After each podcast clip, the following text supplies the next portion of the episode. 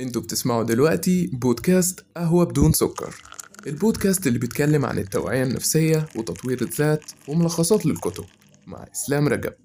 خليني أقولك في الأول كده معنى كلمة التسويف. للناس اللي حاسة إن المصطلح ده جديد عليها. التسويف هو عملية تأجيل لشيء معين مش عايز أعمله. رغم إن عندي الوقت وعندي المقدرة اللي تخليني أعمل الحاجة دي بس أنا مش عايز أعمله وعمال بأجل فيه. وعملية التسويف بتكون مراحل مختلفة من شخص للتاني. يعني في واحد لسه في المرحلة الأولى فتلاقيه كده بيسوف لمرة واحدة بعد كده بيقوم يعمل الحاجة اللي كان مأجلها. لكن في نوع تاني كده من الصعب إن إحنا نعالج التسويف عنده من مرة أو محاولة أو اتنين أو التانية لأنه مش بيعمل الحاجة دي خالص إلا لو كانت ضرورية أو لما يتزنق للآخر خالص. بس طبعا في أمل إن هو يعالج مشكلة التسويف دي. خلينا نضرب مثال على الكلام ده. عندنا شخص في مرحلة الثانوية العامة. وكل يوم بيشوف videos عن طرق المذاكرة وإيه هي أفضل طريقة وعلاج النسيان وإزاي أركز وما إلى ذلك. الفكرة إنه كل يوم بيتفرج على الفيديوز دي بس مش بيعمل أي حاجة تانية خالص. هو بيتفرج على ال videos خلاص الفيديو خلص يلا نشوف حاجة تانية عن التطوير. وهكذا وهي دي حياته ومفيش مذاكرة ولا في أي حاجة خالص غير للضرورة القصوى اللي هي ليلة الامتحان ولو ذاكر كمان في وقتها. عقلك هنا بيخلق حيلة ذكية قوي وهي أنت لما بتحاول تقوم تذاكر ومش بتقدر تعمل ده عقلك بيكون محبط شوية وبيفضل يقولك كلام سلبي عن نفسك وبتلاقي الأفكار كلها تحولت إلى أفكار سلبية. الحيلة الذكية بقى هنا وهي إنك تقوم تشوف فيديوز عن التطوير أو المذاكرة عشان لو ما ذاكرتش ضميرك يبقى مرتاح خالص لأنك عملت إنجاز النهاردة. وخلاص قررت إنك تبدأ من بكرة بكل الطرق الجديدة اللي اتعلمتها. اللي لا هتعمل بيها ولا هتبدأ أصلا من بكرة. وهتفضل على الحال ده حبة حلوين كده لحد ما تتزنق ليلة الامتحان. طب إيه الحل؟ أنا دلوقتي عرفت إن عقلي بيخدعني علشان أريح ضميري. أو باخد مسكن بمعنى أدق. يلا بقى هنعمل إيه؟ أول حاجة لازم تدرك دلوقتي إن عقلك وجسمك في مرحلة صعبة شوية وهي مرحلة الخمول أو المرقعة سميها زي ما تسميها.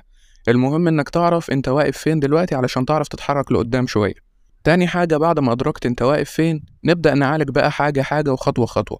بمعنى هنبدأ نشوف حافز قوي لعقلك يبدأ ينفذ مهام بسيطة جدا على مدار اليوم. بشرط يكون في مكافأة ليك آخر اليوم. بالطريقة دي أنت بتحفز عقلك أو بتبرمجه من أول وجديد على الشغل أو الدراسة وإنه كمان هيلاقي مكافأة آخر اليوم على كده. حد هيقول لي طب ما أنا ممكن أعمل المكافأة من غير ما اذاكر أصلا ما هو كده كده أنا بسوف وكده كده مش بعمل حاجة فإيه اللي يمنعني إن أنا أقوم أعمل المكافأة دي في الأول وما ذاكرش ولا أعمل شغلي؟ هقول لك وهنا هتيجي فايدة الحافز اللي إحنا اتكلمنا عليه. يعني تحدى نفسك بمعنى أدق. ده لو واحد صاحبك استفزك بكلمة وقال لك انت ما تقدرش تعمل شيء معين هتقول له لا أقدر والموضوع هيقلب معاك لتحدي وكمان هتتحدى نفسك وهتتحدى كل حاجة علشان تثبت لصاحبك ده إن أنت تقدر تعمل الحاجة دي. طب ما أولى تثبت لنفسك زي ما أنا قلت قبل كده.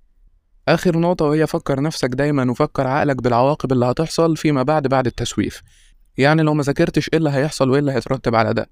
مش هتدخل الكلية اللي أنت بتسعى لها ولا هتحقق الهدف اللي أنت عايزه. لو ما عملتش التاسكات اللي عليك في الشغل إيه اللي هيحصل؟ هتخسر وظيفتك ومرتبك هيقل أو ممكن كمان تترفض أو تتفصل من المكان اللي أنت فيه. فدايما فكر نفسك بالعواقب اللي هتيجي عليك لو ما عملتش الحاجة دي أو قمت واتحركت دلوقتي. دي طريقة قوية هتخليك تفوق من وقت للتاني كده وترجع تمارس حياتك بشكل طبيعي لأجل إنك توصل للنقطة اللي حابب تكون فيها.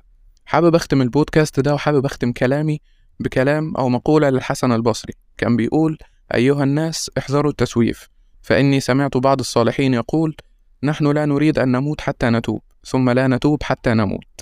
أشوفكم على خير دايما وحلقة جديدة من بودكاست قهوة بدون سكر.